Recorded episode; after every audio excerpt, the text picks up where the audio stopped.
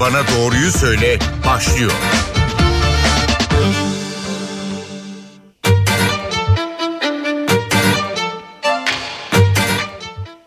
Merhaba NTV Radyo'da Doktor Bana Doğruyu Söyle başladı. Ben Zeynep Gülalp. Bu hafta aşı haftası aşıyla bu zamana kadar hangi hastalıklar sona erdi? Bir hastalığa karşı aşı üretilmesi için hangi özellikte olması gerekiyor? Ve Covid salgınında aşının etkisi nasıl oldu? Merak ettiklerimizi bugün enfeksiyon hastalıkları uzmanı Profesör Doktor İftihar Köksal'a soracağız. Hocam hoş geldiniz yayınımıza. Merhaba, iyi yayınlar diliyorum. Teşekkürler. Ee, siz de konuğumuza merak ettiklerinizi sorabilirsiniz. WhatsApp numaramız 0530 010 22 22. Bize bu numaradan mesaj gönderebilirsiniz. Hatırlatmamızı da yapalım ve başlayalım. Hocam aşı ile ilgili aslında doğru bilinen çok yanlış vardı bu süreçte. Salgın sürecinde çok yaşadık, çok duyduk. Önce aşının içinde ne olduğunu öğrenerek başlayalım sizden. Şimdi aşının içerisinde e, hastalık yapma gücü azaltılmış ama insanla insan vücuduna verildiği zaman bağışık yanıtı uyararak o hastalığa karşı korunmayı sağlayan e, antijen dediğimiz maddeler vardır. Ya da e, toksinlere karşı aşı vardır. Yani her ne olursa olsun vücuda verilen ürün e, hastalık yapmaz ancak bağışık sistemi uyararak o hastalığa karşı korunmayı sağlar. Çünkü çok çeşitli aşılar var. Örneğin tetanozda olduğu gibi toksine karşı aşılar var. Yine örneğin kuduz aşısında olduğu gibi e, grip aşısında olduğu, kızamık aşısında olduğu gibi virüse karşı aşılar var. Difteriye karşı yine toksin aşıları var. Efendim e, salmonella'ya karşı e, bakteri aşıları var. Dolayısıyla birçok hastalığa karşı aşı ile korunmak mümkün içinde bulunduğumuz hafta da e, aşı haftası, Dünya Aşı Haftası. Bu nedenle yayınınızda yer verdiğiniz için özellikle teşekkür etmek istiyorum. E, bu çok önemli bir nokta. Ve bu sene Dünya Sağlık Örgütü'nün e, betimlediği tema herkes için uzun ömür. E, bunu da ancak sağlıklı olarak sağlayabiliriz. Her sene bir tema belirlenir. Çünkü aşıların ne kadar etkili olduğu bugün dünyada örneğin çiçek hastalığında olduğu gibi dünyadan eradike edilebileceğini artık biliyoruz. Evet hocam peki e, şimdi tarihe baktığımız zaman bu zamana kadar hangi hastalıklar aşıyla sonlandırılmış? E, dünyadaki tek örneği e, çiçek hastalığı. Bugün artık çiçek hastalığı görünmüyorsa ki burada da a, Türklerin rolünün çok büyük olduğunu biliyoruz. A, aşı geliştirilmesinde. E, ondan sonra e, çocuk felci de dünyada eradikasyon sınırına gelmiştir. Tam bitememiştir. Bunun sebebi de hala çocuk felci aşısının düzgün uygulanmadığı ülkeler vardır. Onlar nedeniyle dünyadan eradike edilmedi ama ülkemizde e, ben e, 40 yıllık hekimim. E, 40 yıldır çocuk felci görmediğini belirtmek isterim. E, görüyoruz ancak çocuk felci görünmüyor. Bu da yine aşı sayesinde olmuş bir durumdur. Şimdi çiçek hastalığı ile ilgili e, baktığımız zaman Google'da bir araştırma yaptığımız zaman Osmanlı coğrafyasında çiçeğe karşı bir pratik yöntem bulunuyor. Çiçek hastalığına karşı çiçeği hafif geçiren çocukların yaralarından kabuklar alınıyor. Bunlardan bir sene ceviz kabuğunda bekletiliyor. Ertesi sene gül suyuyla sulandırılıp çocukların kollarına yapılan çizgiye sürülüyor diye bir bilgi vardı. Bu bilgi doğru mu ve böyle bir şey nasıl akla gelmiş ve aşı doğru, fikri buradan doğru. çıkmış? Doğru, çok mantıklı. İşte aşılama. Yani e, ilkel de olsa aşılama. Aynı şekilde Anadolu'da bir gelenek vardır. Su çiçeği çok bulaşıcı bir hastalıktır ki bugün aşısı var. E, su çiçeğini geçirirken anneler e, çocuklarını su çiçeği geçiren eve götürürlerdi ki çocuk da erken yaşta su çiçeğini geçirsin diye ya da su çiçeği geçiren birinin gömleğini giydirirlerdi. İç çamaşırını giydirirlerdi ki bulaşsın diye. Bunlar aşılamanın e, halk arasındaki önlemleri. Demek ki çok eskiden beri hastalıklara karşı korunma yöntemi olarak bilinen bir uygulama aşı. Daha sonra modern çağla birlikte modernize edilerek aşılar laboratuvar koşullarında üretilmiştir. Çünkü enfeksiyon hastalıkları bulaşıcı hastalıklar bilindiği üzere. Evet. Ve hastalıklardan korunmada korunma en pratik yöntemdir. E, kitlesel bir koruma içinde elbette ki bu basit ilkel önlemlerle bu işi kotaramayız. Bunun laboratuvar koşullarında herkese yetecek kadar aşı üretimiyle tüm topluma mal edilmesiyle ancak sağlanabilir. Öteki türlü birkaç kişinin bu önleme almasıyla bir hastalığın salgın yapmasını engellemek çok mümkün değildir. E, o nedenle de Türkiye dünyada ta Osmanlı zamanında e, aşı geliştirilmesine çaba gösteren ülkelerden biridir. Çok nadir ülkelerden biridir. Bakın daha e, Türkiye Cumhuriyeti'nin kuruluş aşamasında daha o erken dönemde e, Refik Saydam Hıfzı Enstitüsü kurulmuştur. Buranın kurulma amacının esas nedeni de aşılardır. Yine tifus'a karşı da e, bu Birinci Dünya Savaşı sırasında verilen savaşı biliyoruz. Yani ne kadar uğraştırmıştır insanları. Evet. O nedenle e, aşılamanın hastalıklardan korunmadaki öneminin e, en e, öncelikli olarak önemsediği bir coğrafyada yaşıyoruz. Gerek Osmanlı döneminde daha sonraki Cumhuriyet döneminde de e, ülkemizde aşı çalışmaları var gücüyle sürdürüle gelmiştir. Ta ki e, artık bunun bir ticari meta haline gelip de büyük şirketlerin aşılamayı daha ucuza mal etmesine kadar. Ondan sonra başta Amerika olmak üzere birçok gelişmiş ülke bunu bir sanayi projesi haline dönüştürmüş ve çok daha ucuza, çok daha fazla miktarda aşıyı elde ederek kitlelere ulaştırmıştır. O dönem Türkiye'de bir e, aşı üretiminde duraksama yaşanmıştır. E, bu tabii ki iyi bir şey olmadı. Çünkü dışarıdan alınıyor. Aslına bakarsanız aşı stratejik bir üründür. Yani her ülke kendi aşısını yapabilmelidir. E, işte bu duraksama döneminden sonra tekrar bir faaliyet başladı ki Covid-19 aşılarının geliştirilmesi bu ilmeye çok büyük bir hız kazandırdı ve bugün Refik Saydam Hıfza Enstitüsü eski gücünü kazanıp yine dünyanın sayılı e, aşısını üreten ülkelerden birisi haline gelme yolunda koşar adımlarla ilerlemekte ki Türkiye bunu yapabilecek hem beyin gücüne hem de teknolojik altyapıya sahiptir.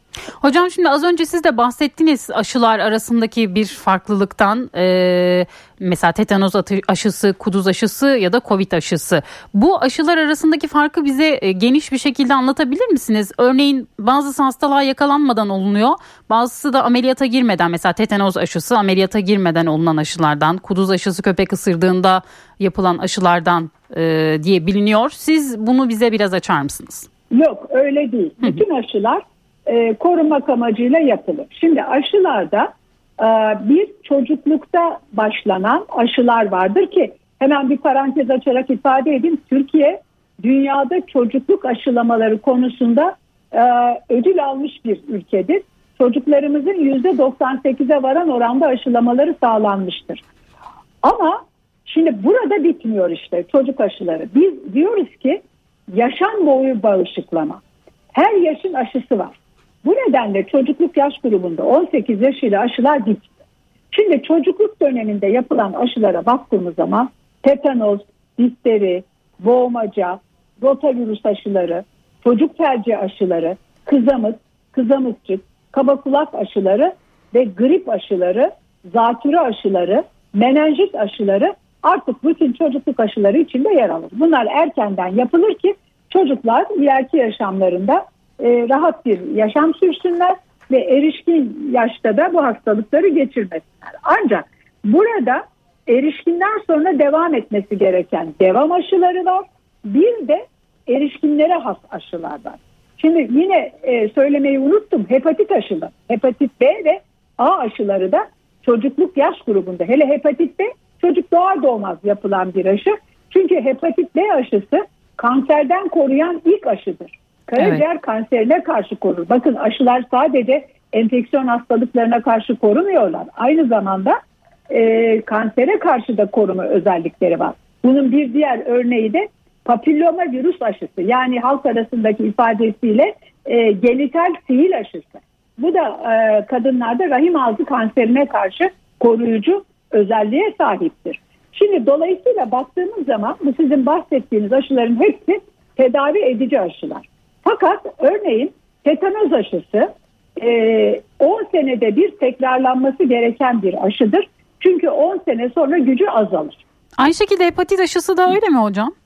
Hepatit B aşıları e, ve hepatit A aşıları farklı uygulanır. Şöyle ki hepatit B aşısı 3 doz aşı yapılır ve ömür boyu, boyu bağışık sağlar.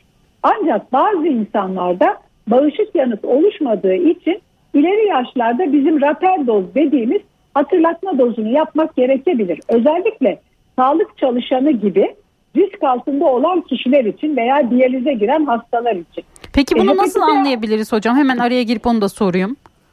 Antikor düzeyi ölçülerek aslında immün bellek öyle bir hafızadır ki şimdi sizdeki ölçülebilir antikor düzeyi olmasa dahi virüsle karşılaştığınızda ki bunu Covid-19'da çok gördük. İmmün bellek uyanır bir dakika der. Ben seni tanıyorum.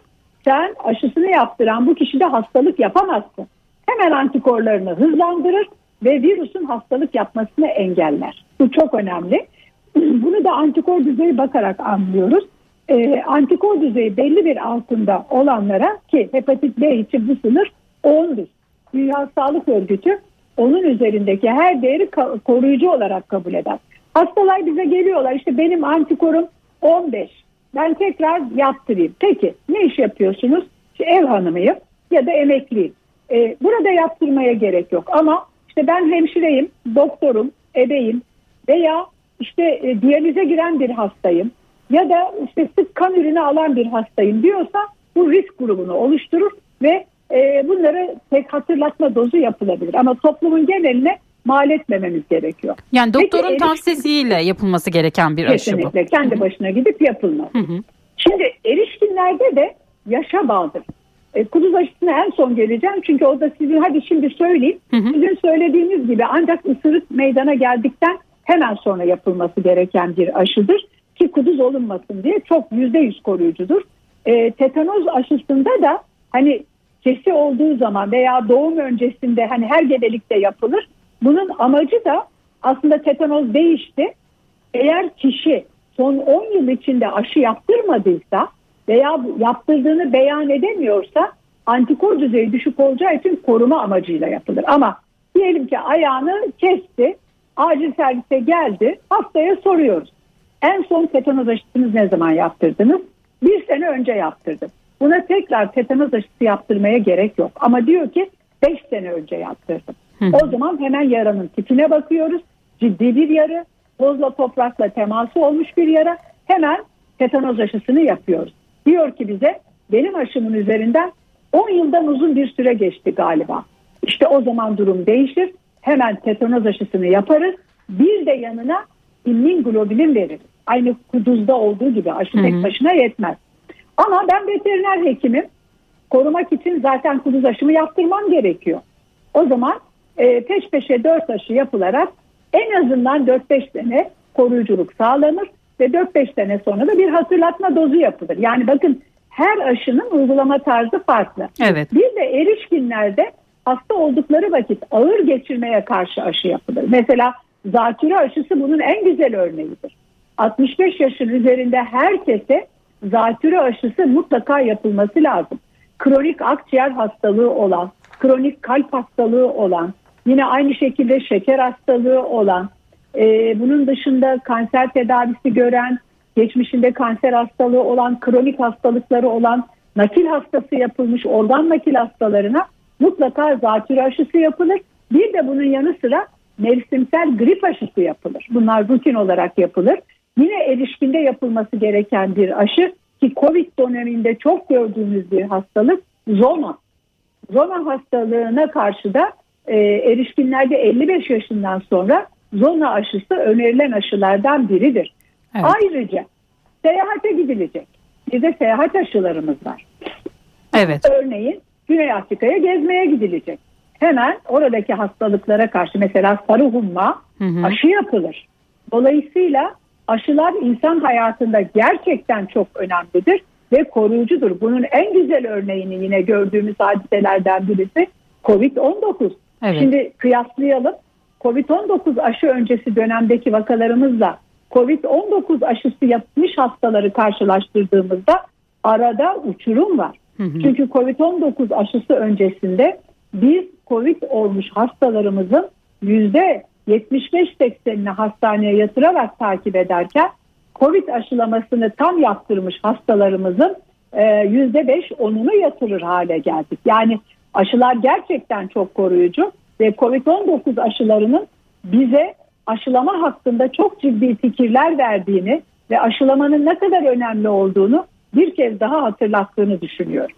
Hocam hemen e, şimdi Dünya Sağlık Örgütü'nün yaptığı yeni bir açıklama var. Avrupa ve Amerika Birleşik Devletleri'nde çocuklarda kaynağı bilinmeyen akut hepatit vakalarında artış olduğu açıklandı. En küçük hastanın bir aylık en büyüğünün ise 16 yaşında olduğu belirtiliyor.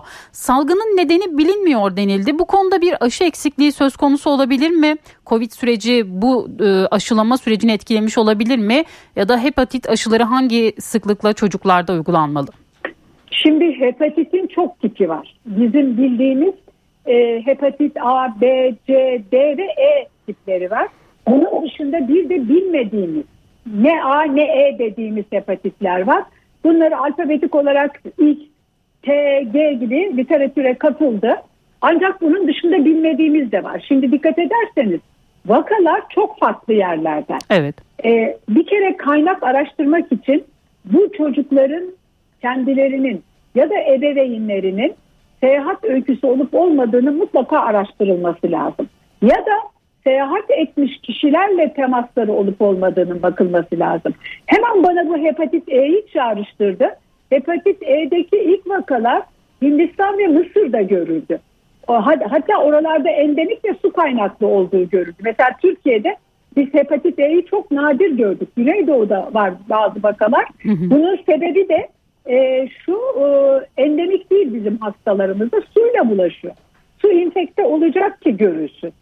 E, alo? Evet hocam sizi duyuyoruz. E, fakat bunun ne olduğunu bilmiyoruz henüz. Aşısı da yok dolayısıyla. Yani hepatit bu şekilde bulaşan su ve gıdalarla ya da e, dışkı bulaşmış ürünlerle bulaşan hepatitlerde hepatit A'yı biliyoruz aşısı olan. Hı hı. Hepatit B kan ve kan ürünleriyle bulaşır. Bu iki hepatit dışında maalesef e, diğer hepatitlerin aşısı yok. Aşıyı geliştirebilmek için öncelikli olarak bu hepatitin tipinin belirlenmesi gerekir. Ve kaynağın tespit edilmesi gerekir. Örneğin e, bakın e, dünyada şu anda bir e, Kinder e, markalı ürüne bağlı evet, olarak salmonella salgını var. Hı. Çünkü orası süt ve süt ürünleriyle bulaşıyor. Acaba bu dünyada belirli yerde hazırlanıp oradan e, dünyaya servis edilen e, bir e, çocukların sevdiği bir ürün. Ama orada da parti numarasına bakmak lazım. Hangi ülkede üretilenden kaynaklanan bir salgı? İşte aynı şekilde bu son dünyada bazı ülkelerinde görülen hepatit salgınında da bu yol izini sürmek ve kaynağı tespit etmek lazım.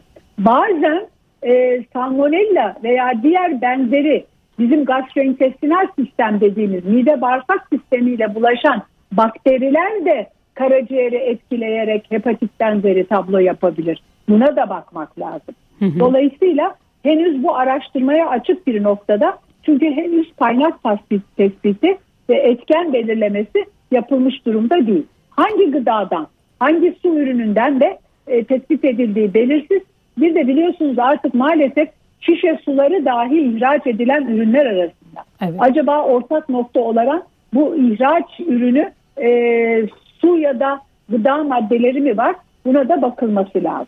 Size sormak istediğimiz çok sorumuz var ama çok kısa da bir zamanımız kaldı. Bu kızamık hastalığına da biraz girelim istiyoruz. Çünkü Tabii Türkiye ki. dışında özellikle e, İran Sağlık Bakanlığı'ndan ülkede artan kızamık salgını nedeniyle ailelerden 5 yaş altı çocuklarına kızamık aşısı yaptırmaları çağrısı geldi. Yine aynı şekilde Afganistan'da 130'dan e, fazla çocuğun hayatını kaybettiği bilgisi paylaşıldı ve İngiltere'de de Covid'den sonra yeni salgın riskinin kızamıkta olduğu belirtiliyor. İki sorum olacak. Yeni bir kızamık salgınıyla karşı karşıya mıyız ve Covid sürecinde kızamık aşıları ertelendi? Sebebi bu olabilir mi? Şimdi çok teşekkür ederim. Çok önemli bir soru. Geçen sene İtalya'da da salgın oldu kızamık çocuklarda. Ben endişeliyim. Evet bu komşulardaki salgın bize gelebilir. Çünkü pandemi döneminde e, çocukluk aşılamaları sekteye uğradı. Bir de ülkemizdeki düzensiz göçmenlerde e, Suriye'deki aşı politikasından dolayı çok sayıda aşısız çocuk olduğunu biliyoruz. Bir de maalesef e, bu çok kötü niyetli insanların e, önderlik ettiği aşı karşıtları var. E, bunların sayısının da ülkemizde de dünyada da giderek arttığını ve maalesef çocuklarını aşılatmadıklarını biliyoruz.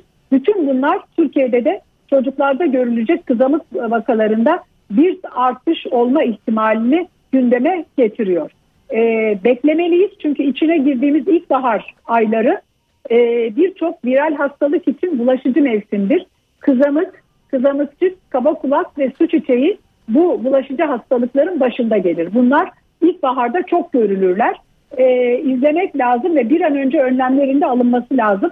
Eminim ki e, bizim Sağlık Bakanlığımızda aile hekimleri aracılığıyla çocuklarda hızlı bir hatırlatma ve çocukları aşıya davet etme politikası gidecektir. Çünkü bakanlık e, bağışıklama kurulu bu konuda çok titiz çalışıyor ve kesinlikle taviz vermeden çalışıyor. O nedenle ailelere seslenmek istiyorum. Lütfen çocuklarınızı zamanı gelen aşılarınızı yaptırın. Yine Türkiye tüm aşıların e, ücretsiz olarak yapıldığı ülkelerden biridir. E, bizim bağışıklama kurulunun almış olduğu kararlar çerçevesinde aşılama programımızda yer alan tüm aşılar hem erişkinlere hem de çocuklara ücretsiz olarak yapılmaktadır. Şimdi sizin bahsettiğiniz şeyi geçen yıl Sağlık Bakanlığı aile hekimleri aracılığıyla yapmıştı. Ailelere 5 yaşında olması tavsiye edilen bir e, e, affedersiniz ilkokul çağında yapılması e, yapılan yapılması planlanan aşıların 5 yaşında olması tavsiye edilmişti. Peki e, bu e, aşılama örneğin e, çocuk 5 yaşında bu aşılamayı kaçırdıysa aynı aşıyı 6 yaşında olursa bu hastalanma sürecini etkiler mi ve bu aşıların zaman dilimleri ve yaşları neden önemli? Şey olmaz. Biz ona yakalama ketçap deriz. Ne zaman yakalarsanız aşılayın. Hiçbir şey olmaz. E, yapılmasında hiçbir mahsur yoktur. E, zaten bunların tekrar dozları adolesan evrede yapılırlar. Hı hı. E, o nedenle hiçbir mahsur yok. Yeter ki o zamana kadar hastalığı geçirmek olsun. Hocam son bir dakikamız kaldı. Covid'e de biraz değinmek istiyorum. Covid aşıları şimdi bizi e, ne kadar daha bu süreçten korur? Örneğin 3. doz BioNTech aşısını olanlar tekrar aşılanmalı mı ya da onlara bu aşı çıkar mı dördüncü doz olarak? Aa, bu aşıların artık hayır yapılmasına hiç gerek yok risk grubu hariç. Çünkü bütün dünyada gördük. Biz de klinik uygulamalarımızda gördük. İster BioNTech olsun, ister Sinovac olsun. Kesinlikle çok koruyucu. Bu hastaların e, biz en az yüzde seksenini hastaneye yatırmadan takip ettik. Kimleri yatırdık? Aşı yanıtı düşük olan e, ileri yaştaki kişileri ve bağışık yanıtı etkileyecek başta kanser hastaları olmak üzere kemoterapi hastalarını, romatizma hastalarını aşı yanıtları düşük olduğu için yatırdık. İşte bu risk grubu dediğimiz grupları da bunlar oluşturmakta. Bunlar dördüncü dozlarını yaptırsınlar. Diğerlerinin dördüncü dozlarını yaptırmalarına gerek yok tekrar tekrar tekrar tekrar aşı yaptırmanın doğru olduğunu düşünmüyorum. Çünkü mutlaka immün bellek uyanıyor ve hemen virüsle karşılaştığı zaman cevabını veriyor.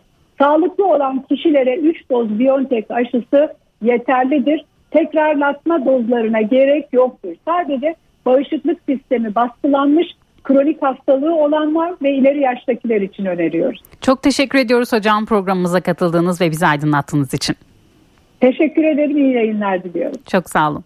Doktor bana doğruyu söyledi. Bu hafta aşının hayatımıza etkilerini konuştuk. Konuğumuz enfeksiyon hastalıkları uzmanı Profesör Doktor İftihar Köksal'dı. Haftaya başka bir konu ve konukla tekrar yayında olacağız. Tekrar görüşmek üzere. Hoşçakalın.